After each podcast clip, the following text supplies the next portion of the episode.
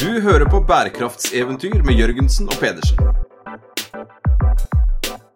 Bli med på eventyrlig jakt på bærekraftig business.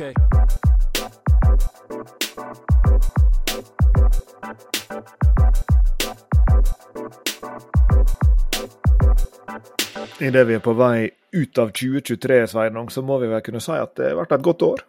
Puh. ja. Altså, eh, det er jo dobbelt. Nå, nå, ble det jo bra navlebeskuende der eh, i mitt eh, lille utpust. For kikker vi rundt oss, så er det vel mange som vil si at det ikke har vært et så mm. veldig godt år. Det er en del piler som Da starter vi på nytt. Skal vi se tilbake på 2023, Sveinung, så må vi si at det har vært et jævlig år. Uff a meg. Det er jo til å grine av. Nå har vi jo grått i mange år, Lars Jakob. Eh, snart to tiår hvor vi har dedikert eh, arbeid og, fritid sagt, til, til, bærekraftsproblematikk, samfunnsansvar, etikk. Eh, hele den derre ja, smørbrødlisten Er det noe som heter smørbrødlisten? Smørja. Smørjelista. Og det er jo sånn konstant, som vi har snakket om mange ganger på denne podkasten, konstant uh, Eh, potensielt depressivt. Og mm. så de som har lytta på oss eh, før, veit at vi, vi, prøver å holde motet oppe. Så når du spør meg da, Jakob, og jeg svarer med et litt sånn positivt ja der, så er jo det litt sånn og ærlig talt navlebeskuende på våre egne prosjekter, egne tiltak, folk rundt oss, forskninga, undervisninga. Eh, vi avslutta året med en, med en pris, til og med. Ja, gratulerer. Takk, og gratulerer til Siv Skard, som uh, mottok uh, formidlingsprisen sammen med oss på Norges handelshøyskole. Mm. Det er jo Et av resultatene er jo hva skal, hva skal, jeg si, jeg skal prøve å si det en gang til. En av grunnene til at vi har fått den prisen, mm. det er jo det arbeidet vi gjør her. Og når jeg ser tilbake på de hva blir det, 50 episodene, 40 episodene som vi har produsert i, i 2023. Møtt så mye spennende folk og fått lov til å diskutere bærekraft opp og ned og i mente. Eh, og også ser tilbake, Lars Jakob, på, på kursene, på folka og de tingene jeg nevnte i stad, så er det jo tross alt eh, mye positivt som skjer også. Absolutt, og det er jo eh, kanskje noe av grunnen til å holde på med denne podkasten og prate med så mye flinke og spennende folk, er jo nettopp, som du sa, å holde motet oppe. Fordi der er jo en sånn interessant dobbelthet, og tidslinjene går litt sånn i, i ball med hverandre. fordi i det, i det store bildet sant, så føles det som at, uh, at, ting går på en måte feil vei. Men så i, liksom på, på mikronivå snakker med, med, med, med gründere, vi snakker med, ledere i store bedrifter, vi snakker med forskere, vi snakker med folk som, som jobber med grønn innovasjon, med inkluderende innovasjon, med regenerativ innovasjon, så skjer det jo så mye på et vis i det små. Eh, og så går vi vel og venter litt sånn utålmodig på at det skal monne i det store. Eh, og liksom i, uten at vi skal gå all uh, meta på, på, hva vi snakker om om dagen, så føler jeg jo at her er liksom en sånn her er en sånn gnisning på bærekraftsfeltet. Da. Vi merker dette veldig godt når vi snakker med lederne som tar executive-programmet vårt, uh, Sustainable Business Strategy også. Det er jo en sånn gnisning mellom det her at en entusiasme for at det skjer mer og mer. Ja? Green Deal, taksonomien, uh, åpenhetsloven, uh, CSRD. Masse, massevis av på en måte store smell i positiv forstand. Altså ting du ikke skulle trodd var sant av liksom grep på bærekraftsområdet hvis du hadde spolt bare ti år tilbake igjen. Så ville du ikke trodd at, at, dette her skulle være hverdagen vår på et vis, at alle disse tingene skjedde. Og så på den annen side så er det den her sånn nagende, vonde uroen som jeg tror alle som jobber med bærekraft har, som er litt sånn ja, Alle disse tingene skjer. Alle disse tingene fører til at bedriftene gjør noe de gjør faktisk også ganske mye, men gjør de de tingene som monner. Eh, og den store liksom skygge, skygge, skyggen som henger over dette, her som mange er opptatt av, er vel nettopp fører dette her bare til at det blir enda mer compliance, enda mer at en blir enda flinkere til å leve opp til en rekke med sånne checklists, men at det egentlig ikke endrer kjernen i uh, det som, som, vi holder på med her i verden, både på uh, produksjonssida og på konsumsida. Så det er jo liksom sånn den, jeg føler den store det store dyret som, som, som, står bak oss og kaster skygge over alt, som, alt det, det, positive som skjer. En uh, skikkelig mørk en i den sammenheng. Satt og leste i morges da jeg satt og forberedte meg til denne episoden, Lars Jakob. Uh, Finansavisen som, som la ut for noen dager siden om Zucker, Zuckerberg i, i nå som kjent, mest kjent som Facebook-gründer, som nå kjøper opp store landareal sammen med andre milliardærer ute på Hawaii og, og bygger sånne milliardvillaer. Altså, han skal vel bruke omtrent uh, Nei, han kjøpte tomta for to milliarder.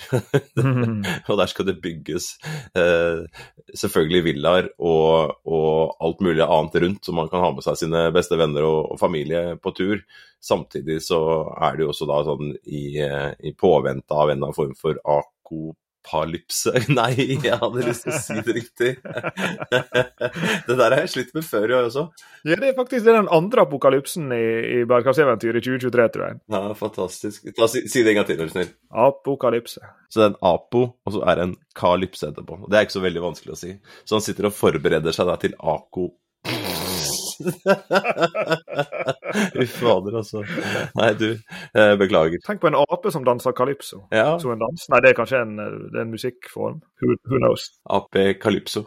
Han sitter og forbereder seg til ape calypsoen. Blir ikke riktig det, Lemut. Eh, jeg må trene mer. Jeg må trene mer på dette her. Eh, og, og, så må vi jo gjøre noe med dette. her. Altså, løsningen på alle disse problemene kan jo ikke være at noen få av oss Eh, går ut i sånne Hollywood-fantasier og bygger seg sånne bunkerser mm. med egne kraftverk Eh, og så videre. Det var en professorkollega som ble intervjua i den saken, Lars Jakob, som hadde fått Trodde han skulle holde et foredrag og møte tusenvis av mennesker, hadde fått en halv professorlønn, altså en halv årslønn, professorlønn, til å møte det som viste seg å være fem sånne milliardærer som lurte på alt mulig rart. Altså når dette her går nedenom og hjem.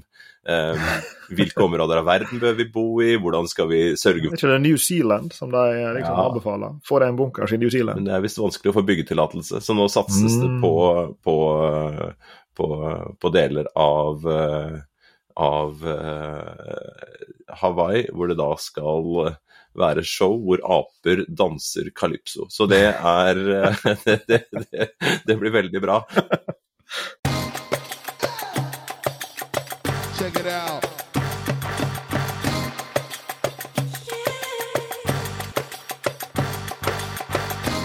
Men apropos Lars Jakob, dette her er jo forbi depressivt. ikke sant? Her sitter de med mest ressurser, med tilgang på kompetanse og data, og, og ser hvordan ting beveger seg. Eh, og framfor da å spytte penger inn, betale noe som folk kaller skatt, eh, til å tenke ok, hvordan kan vi gjøre dette bedre der vi er, så tenker man nei, vi får lage oss noe helt annet. Vi får lage oss noen sånne milliardærbyer og områder i verden hvor vi kan ha det bra. og, og alternativet til det, da. Alternativet til det er jo da å prøve å se på det samfunnet som vi er en del av. Eh, se på miljøet rundt oss, se på økonomien som vi alle er en del av, og tenke hvordan er det vi kan prøve å gjøre dette her bedre. Og der tok vi et tidlig valg som våre lyttere kjenner godt til. Vi er enkle bedriftsøkonomer.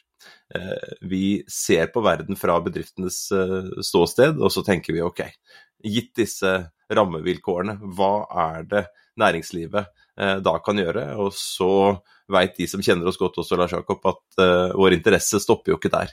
Uh, vi går inn i alle typer virksomheter, og, og, en av de tingene jeg gleder meg veldig til de neste året, er jo å gå inn i departementets nye mastergrad på NHH og UiB. Uh, og sette oss ned med dyktige ledere i det departementene, på tvers av disse eh, mm. departementene, og diskutere bærekraftig business, men da bærekraftig business langt inn i det offentlige også. Og dette er jo en, eh, et, et utviklingstrekk som, som, mange, eh, altså, som, som, mange av både våre lyttere og folk vi treffer rundt omkring på, på farten, etterspør. Vi, vi jo, det begynner å bli noen år siden vi, vi ble, begynte å bli, bli spurt om hva betyr alle disse perspektiver perspektivene dere skriver om i bøkene, ting som er på bergkasseventyr osv. for en, en, liten kommune, f.eks. Ja, det er ofte vi møter kommunalt ansatte som ok, hvordan skal vi tenke rundt disse tingene på kommunalt nivå? Hvordan skal vi tenke rundt disse tingene på, for offentlige virksomheter, institusjoner og organisasjoner mer generelt. Og det er jo veldig oppløftende at, at i offentlig sektor så skjer det et stort omstillingsarbeid i denne retninga. Vi vet jo, vi som eh, tilbringer en stor del av livet vårt som offentlig ansatte sjøl, at uh, offentlig sektor er jo et uh, interessant dyr. Det, det, endring skjer kanskje på litt andre måter eller med litt andre tidslinjer, men nå er, blir jo det lagt en voldsom kraft bak uh, denne omstillinga. Og, og, som du sa, så har jo da NHH Executive sammen med UiB vunnet en konkurranse om å få, få lov til å utvikle et det som egentlig er en sånn såkalt erfaringsbasert mastergrad for, for ledere. Eh, denne heter da erfaringsbasert master i offentlig forvaltning, og er jo da en, en ledelsesutdanning for ledere i stats- og forvaltningsapparatet, og da mer spesifikt uh, i det som de kaller for departementsfellesskapet.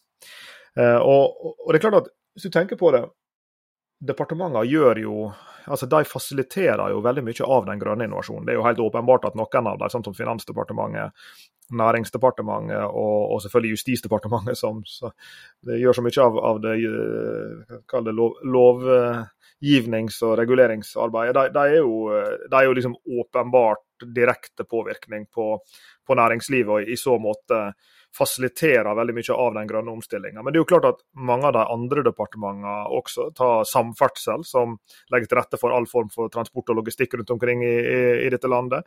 Eh, Kommunal- og moderniseringsdepartementet, hvis jeg har forstått eh, rett, det er vel de som, som står for veldig mye av sånn planarbeid og sånt som berører eh, næringsvirksomhet rundt i, i kommunene. Eh, og, og, og kan si eh, noen av disse tjenest, offentlige tjenestetilbudene, som f.eks. Helse- og omsorgsdepartementet eh, har ansvaret for. Digre sykehus, som er jo som kjempestore bedrifter i seg selv, det er bare de er, i hermetegn tilfeldigvis er offentlige. Um, her er jo det massevis av grønn omstilling som skjer hver dag. Eh, men det er jo det som i en viss forstand fasiliterer vare- og tjenesteproduksjonen der ute, enten i privat eller, eller, offentlig sektor. Men i tillegg selvfølgelig så forvalter jo alle disse departementene så utrolig mange ressurser. De utfører så fryktelig mange, kall det ja, med fare for å høres ut som en bedriftsøkonom, så mange verdiskapende aktiviteter da, rundt omkring i det ganske land på, på eh, kommunalt nivå, på fylkesnivå og rundt omkring i alle de offentlige institusjonene og organisasjonene som sorterer under disse departementene. Så i seg selv så er jo offentlig sektor også oppe i en eh, gigantisk grønn og forhåpentligvis også rettferdig eh, omstillingsprosess, som minner om egentlig akkurat det samme som næringslivet står overfor. Det er bare at, uh, at, de har et litt annet målbilde og en litt annen målstruktur som ikke handler om lønnsomhet, som typisk er det vi, vi bruker som, som, uh, som, målbilde når vi snakker om grønn innovasjon i, i, privat sektor. Så skal de jo i alle fall gjøre dette på en ressurseffektiv måte. Da. Uh, og sånn sett vil jeg jo si at det er mer likheter egentlig enn forskjeller mellom de typene omstillingsutfordringer som offentlig sektor har Eh, og som privat sektor har. Så, så dette, blir, dette, blir, moro å skulle kaste oss inn i, hodet først i den uh, greia der. Absolutt. Og i det minste så er de vevd, vevd sammen. Uh, og i en norsk kontekst også, hvor uh, så mange store virksomheter har det offentlige som en av de største eierne, eller i hvert fall en, en betydelig eier. Så, så, og hvor også deler av både kommunen og, og, staten er, er, organisert via AS-er også. Mm. Uh, så er det ikke så enkelt som det var før, at det fantes noe som var offentlig og noe som var eh, privat. Dette her glir jo også over i hverandre med det frivillige, frivillige, frivillige eh, som en, en, en, støtte. Så jeg har blitt observert i det siste, Lars Jakob, eh, med en bok. Eh, jeg har begynt å lese meg opp på offentlig forvaltning, faktisk. Så det kan jo hende at vi kommer oss ut av dette her og ikke bare er enkle bedriftsøkonomer, men at vi er også enkle blir offentlige økonomer. Det er så farlig. Jeg kan leve med det. Enkle kommer vi til å være uansett, det kan vi vel konkludere med. Så får vi diskutere suffikset. Men uh, moro å plukke litt opp igjen uh, den delen av verden også. Det er jo rart hva man kjenner igjen, for man har jo levd i samfunnet en, en god stund. Men vi har da tross alt hatt nesa vår dypt nede i, i, i bedriftene i, i, mange år. Og så er det jo spennende for oss å få lov til å utvide det perspektivet, perspektivet også. Vi måtte vel arrestere oss sjøl litt grann i forbindelse med denne spørsmålet om kunne vi virkelig komme inn og, og, i et eksekutivprogram for offentlig sektor og snakke om offentlig sektor. Og så tok vi oss i det at ja, vi har jo hatt fast stilling, eller det vil si liksom full, fulltidsstilling da, i, i, offentlig sektor i, i en 20 års tid. Så, så, så, litt av dette dyret har vi jo sett fra innsida. Og så er det selvfølgelig mye av det som vi driver med i det daglige som handler om alt annet enn, enn akkurat det.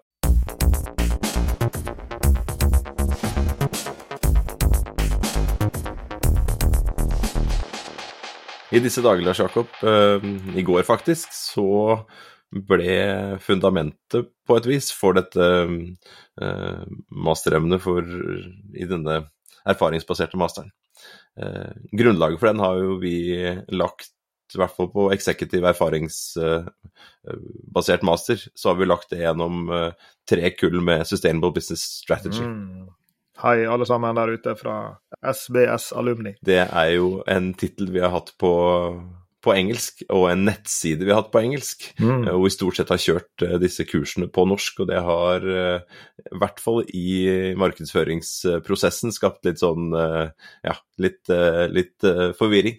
Så nå har vi rett og slett tatt det grepet og døpt om Sustainable Business Strategy til bærekraftig business. Mm. Og vi ønsker kull fire av, eh, av bærekraftig business, da tidligere kjent som, eh, som Sustainable Business Strategies, eh, til NHH høsten 2024. Så i august ish. Vi skal sette datoene nå på, på nyåret. I august så vil vi ønske velkommen. Vi kjører opplegget som vi har kjørt de siste årene, med tur til Tyskland og Berlin eh, som en av samlingene, og fortsetter vårt gode samarbeid med ESCP i, i, i Berlin. Eh, så vi gleder oss også dette neste året til å ta imot en gruppe med ledere Eh, fra ulike sektorer. For det er jo ikke sånn at det er bare folk fra bedrifter Lars Jakob, som har tatt, og som er en del av denne alumnigruppa som du hilste til nå. Her sitter det ledere fra frivillige virksomheter, fra offentlige virksomheter og private virksomheter. Så, men allikevel, vi har valgt å holde på Eh, bærekraftig og business som, eh, som, eh, som paraply, som, som, navn der.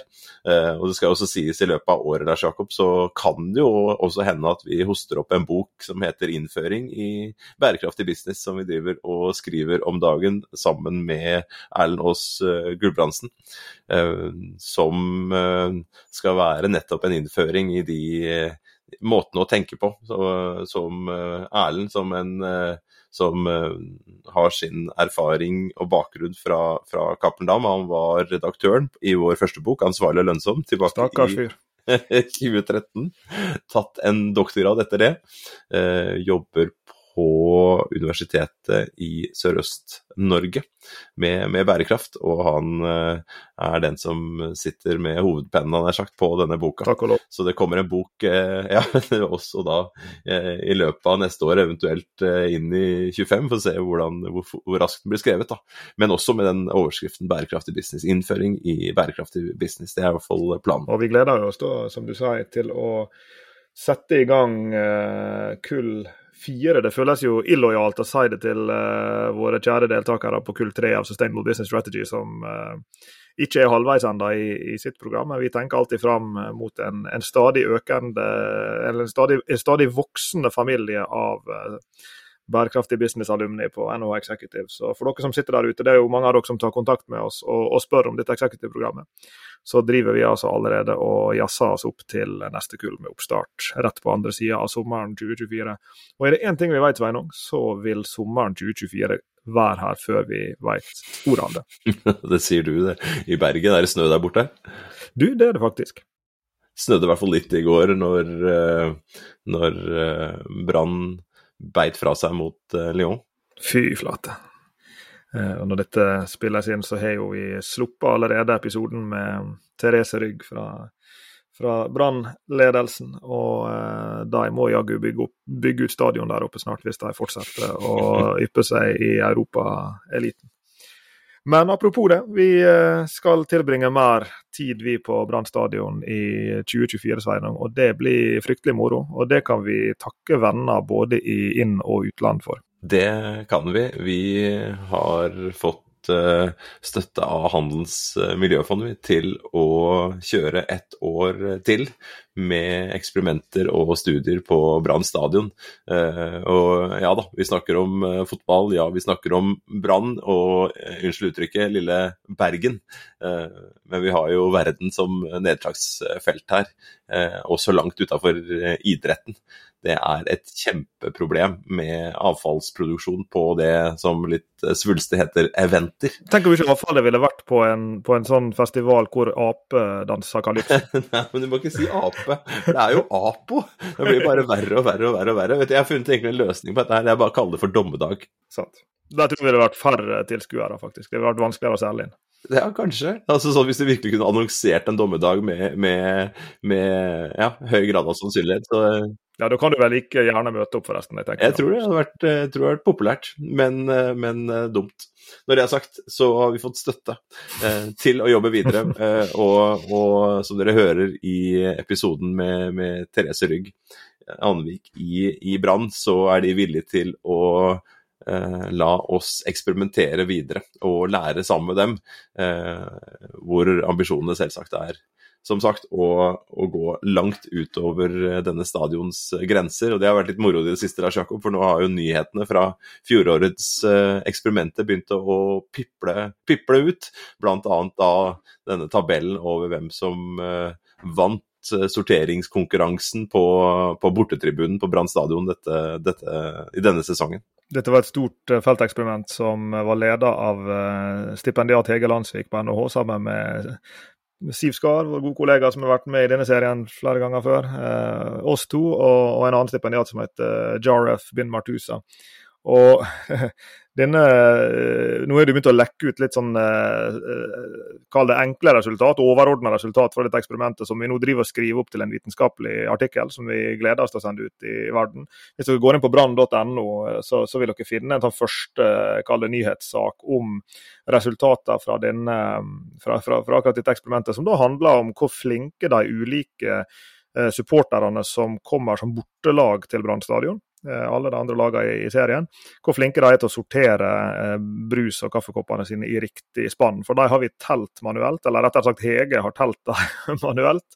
Eh, big up til Hege for å, stå på kne og gjøre den jobben gjennom hele, hele sesongen.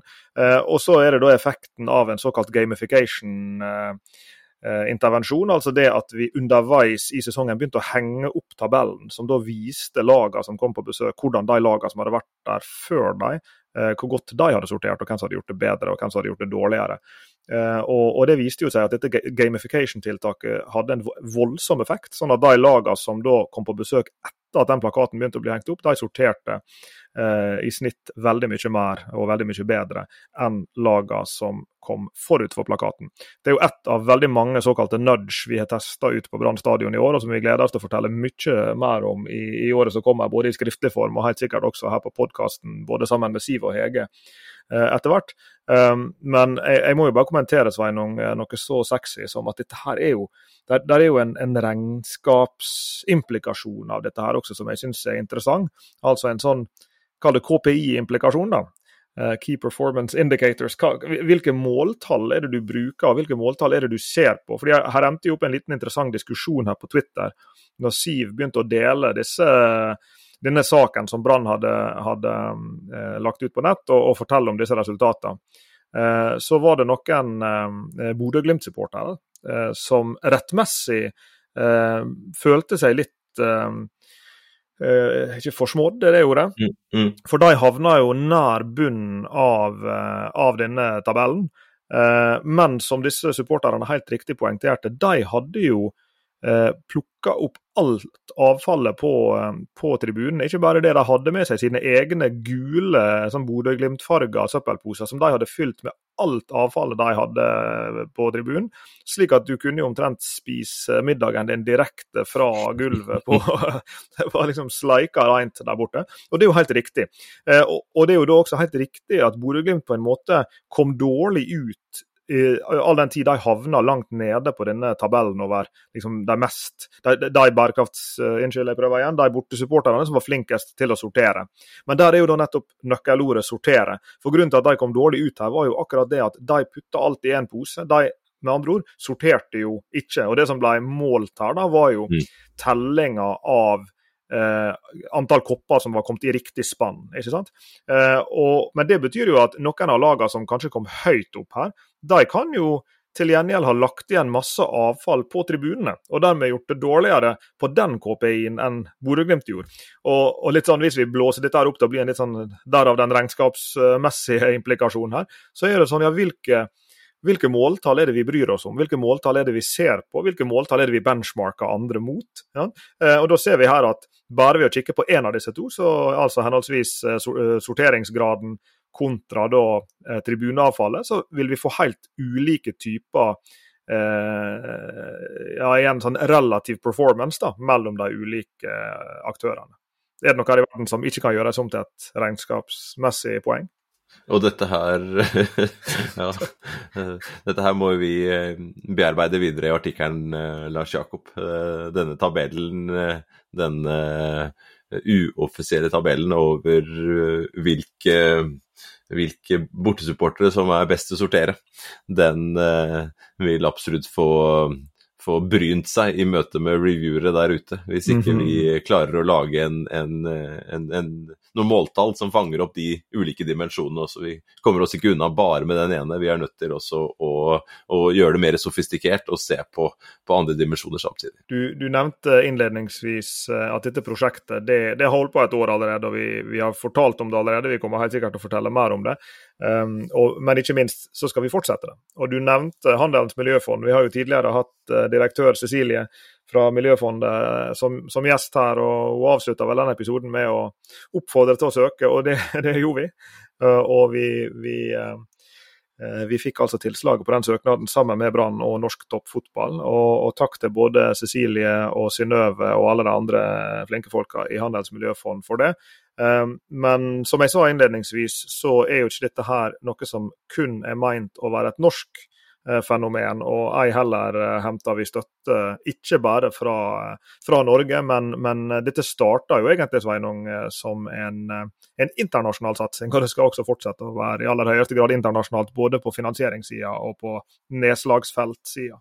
Ja, for vi fikk jo tidlig i prosjektet støtte av Uefa, som er Hva skal jeg si? Eh, Europas eh, Fifa, eh, som også er fotballforbundet for de europeiske, ja, den europeiske fotballfamilien, for å si det sånn. Så tusen takk også til Hva er hovedkontoret her? Er det Sveits? Det må være Sveits. Det er vel i Nyon, tror jeg. Uh, og i, jeg tror det er Nyon, så liksom Lyon med N. Ja.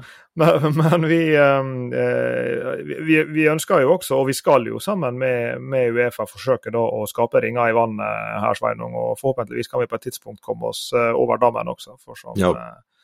Eh, som vi vet, så er det større fotballevents, og ikke bare fotballevents, alle mulige slags eh, fotball og basketball og apekalypso og masse, massevis av events også på andre sida av det. Så vi er jo der da hvor vi starta, Lars Jakob, med denne, denne pendelen mellom det depressive og det optimistiske.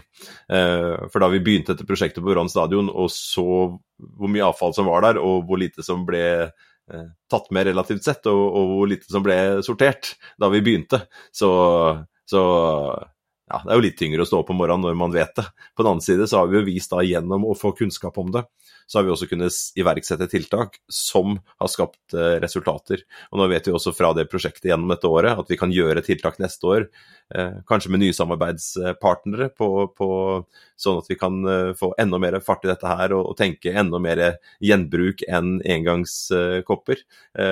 Ikke bare da på denne stadion, men, men tenke globalt. Så hvordan er det dette kan få ikke bare ringer i vannet, men store bølger, bølger i vannet vannet.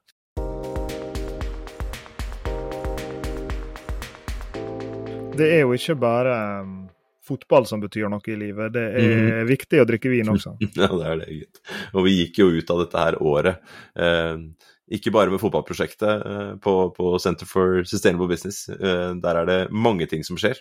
Eh, men vi hadde ett stort prosjekt i tillegg, Lars Jakob, som du, som du nevner her, med, med Vinmonopolet. Og der leste jeg i, i morges et intervju i, i dagens perspektiv med Stiget Stine mm. Trygg Hauger, som er direktør for kjededrift og utvikling i AS Vinmonopolet. Uh, hun ble spurt uh, om hennes KPI, altså om hennes mål, hva, hun syntes var tøffest med jobben. Og da sa hun det at det tøffeste er å nå vårt bærekraftsmål om å kutte klimagassutslippene våre med 55% innen 2030. Eh, og Stine er jo sammen med mange andre ledere i Vinmonopolet eh, virkelig dedikert til å lykkes med det her. Og vi, vi har jo før eh, vært innom Vi er liksom svinga innom Vinmonopolet i, i tidligere episoder. Vi, vi, går fortsatt og venter på en episode vi har gleda oss til å spille inn uh, lenge med, med, et par av, av de som jobber aller mest med bærekraft i Vinmonopolet. Så det får bli et nyttårsforsett for 2024 at nå skal vi jaggu få den episoden på plass. Uh, men et annet nyttårsforsett for 2024 er jo at vi skal jobbe fryktelig tett sammen med disse flinke lederne. Og for den del alle de flinke folka som jobber ute i butikkene til Vinmonopolet. Eh, for å gjøre nettopp det samme som vi har gjort på Brann stadion, eksperimentere i felten for å forstå eh, hvordan eh, gjør kunder villige til å være med på å dra vinkonsumet sitt i retning av å bidra til det 55 %-kuttet, heller enn å bremse det. Og da skal det jo kuttes fra et sted. og som på Brann stadion, så må man jo putte den eh, berømte fingeren i jorda og, finne ut hvor er det man står. Og dette arbeidet har jo Vinmonopolet allerede gjort. Så man vet jo nå i dag hva eh, som er deres eh, totale utslipp.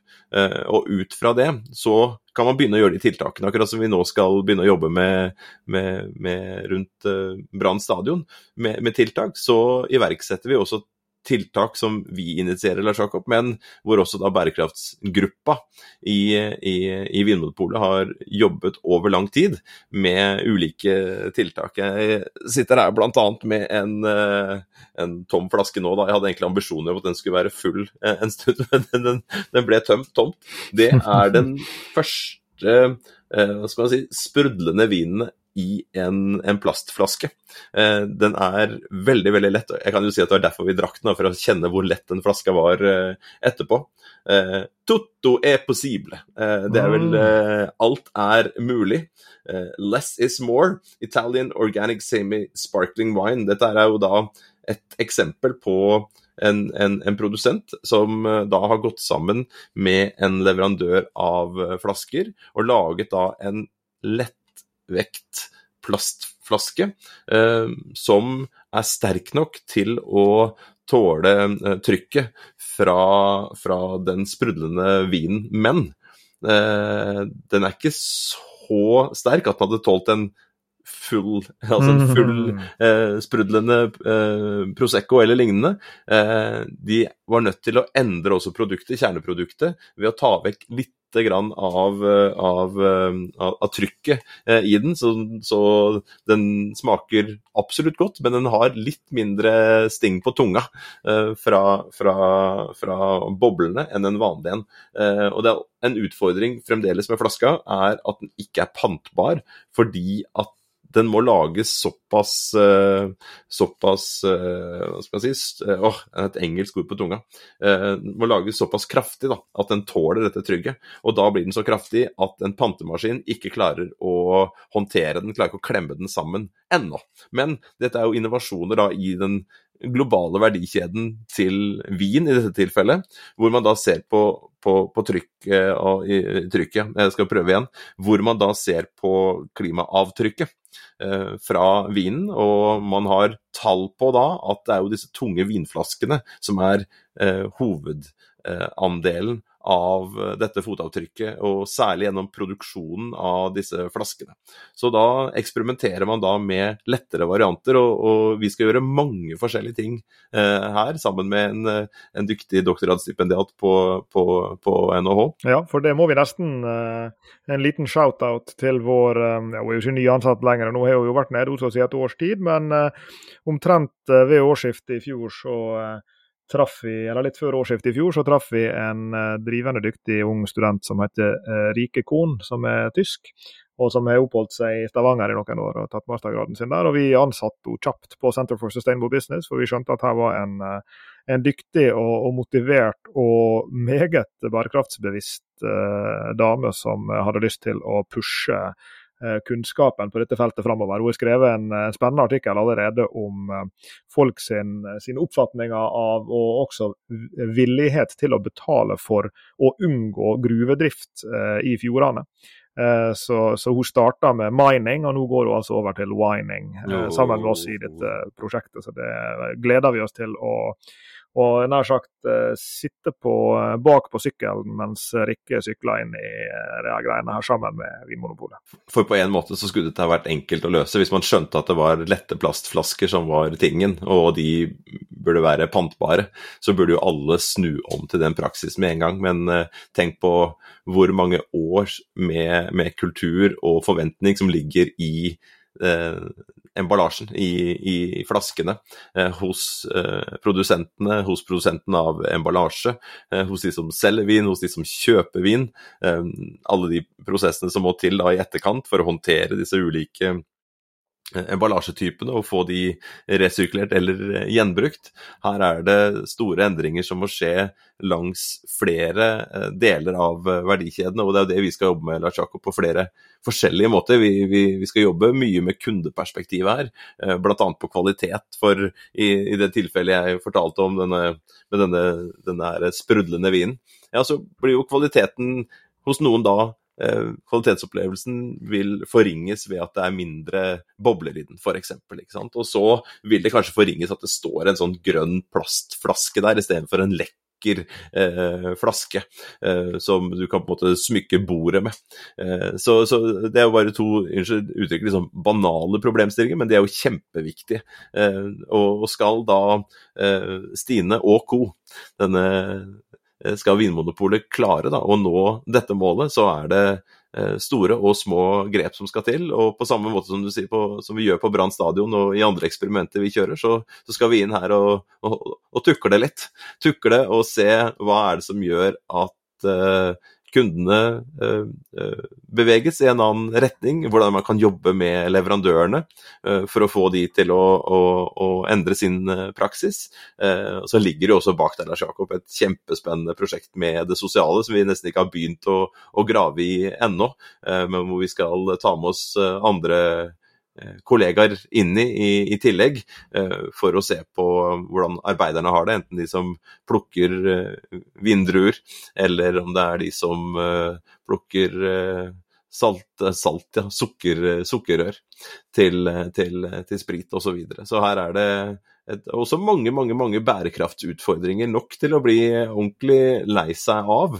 Uh, ok, uh, hvordan kan man da begynne å jobbe med dette? Hvordan kan man eksperimentere eh, også med da forretningsmodeller på en, en, en, sånn måte at man kan redusere klimaavtrykket og redusere det sosiale fotavtrykket, som denne bransjen også har.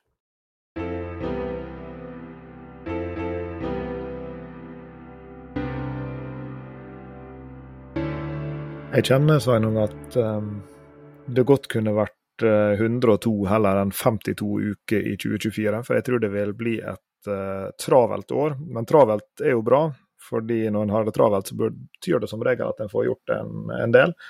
Um, og en siste ting vi må nevne for flere um, små postkort enn det tror ikke vi rekker i denne lille samtalen her, uh, er jo enda en stor grønn innovasjonsreise som uh, vi skal få ha gleden av å være med på sammen med, med flinke folk. Vi driver, vi driver nå, i, i, skrivende stund så er jo det nesten uh, julaften.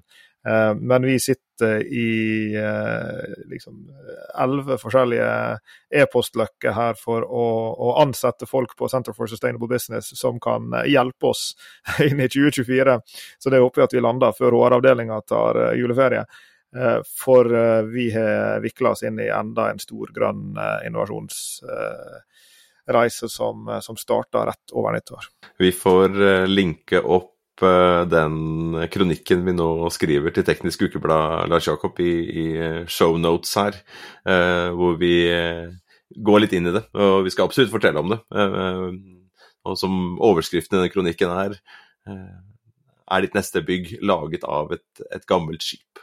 Uh, og vi har hatt Nordic Circles på besøk før. Jon og, og Fredrik har vært der uh, jeg tror det, to ganger eh, på denne serien og fortalt om, om, om, arbeid som dette selskapet Nordic Circles gjør. men rundt Nordic Circles, for å få til dette her, så må det langt større aktører til. Og Forskningsrådet gjennom Grønn plattform har gitt tommelen opp til et prosjekt med, med en totalramme på 100 og 71 millioner eh, kroner. Eh, hvor det er et uh, selskap som leder det hele, som er AF Offshore Decom. Takk skal du ha.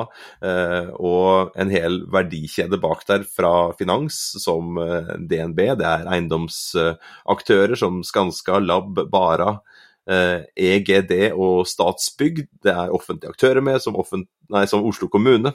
Eh, Bitte lille startupen Nordic Circles er en, en, en, del av det hele. Vi har Equinor med, eh, og Green Yards med, pluss flere andre.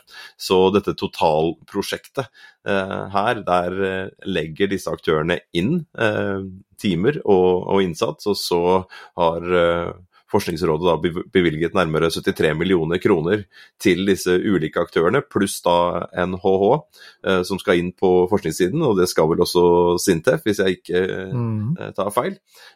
Så her er det et stort konsortium som sammen skal se på denne verdikjeden. For det er jo ikke gitt at det neste kontorbygget eller det neste bygget er laget av gamle skip eller deler fra en gammel eh, borerigg. Eh, det enkleste å gjøre med disse utgåtte skipene, det er jo å skippe dem av gårde til, eh, til, eh, til Østen for opphugging der. Eh, alternativt så kuttes det jo i dag opp i 1,50 ganger 1,50 store plater, og sendes da typisk til eh, Tyrkia eller andre steder hvor dette her smeltes om til, eh, til spiker.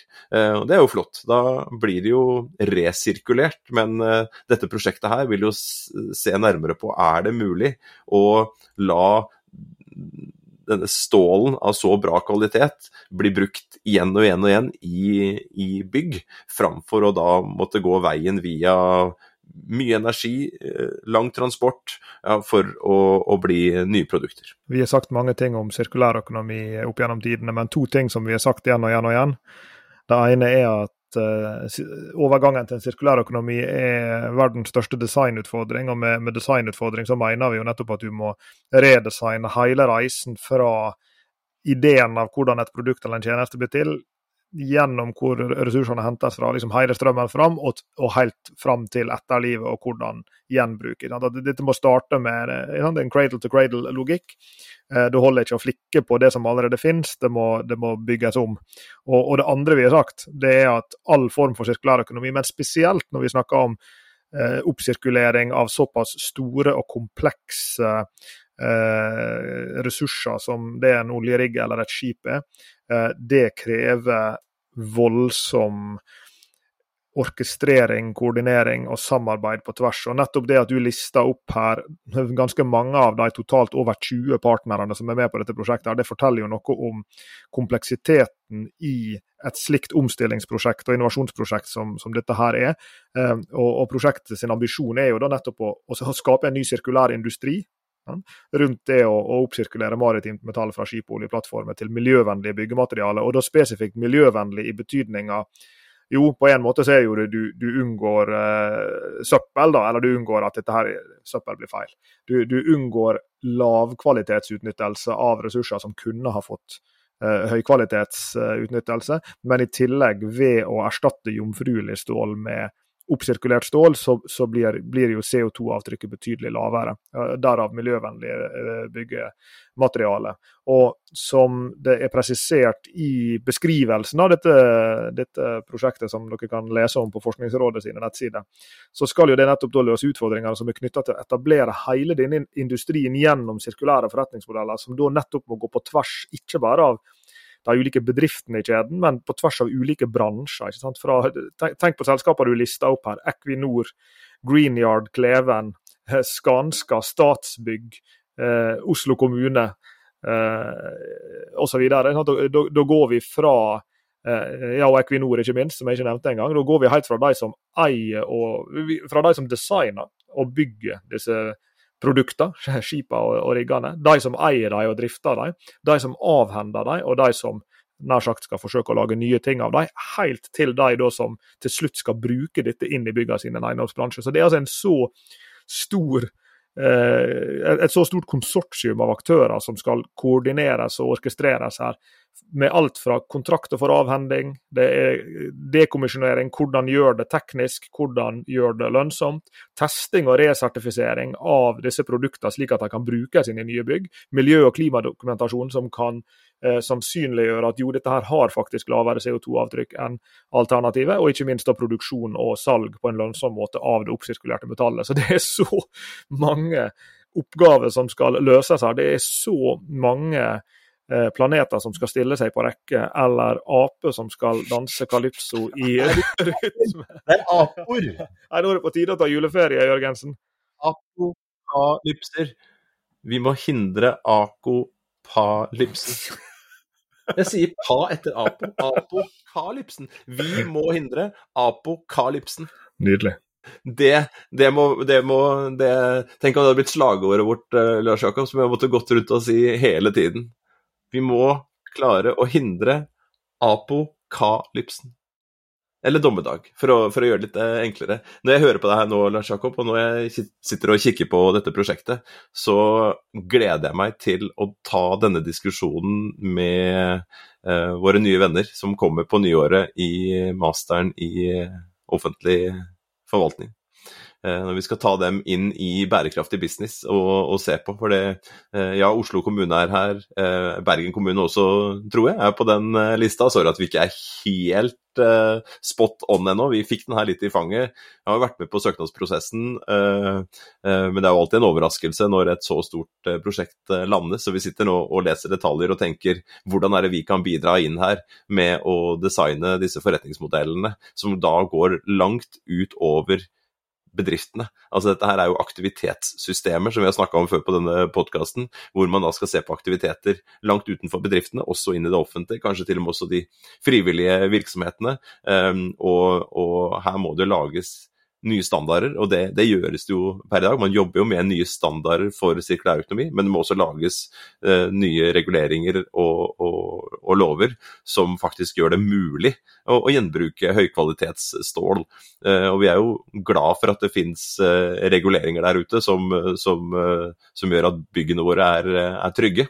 Eh, samtidig så må kanskje noen i denne prosessen også utfordres og se ok, eh, hva kan være mer enn godt nok til, til å å, å, bruke igjen.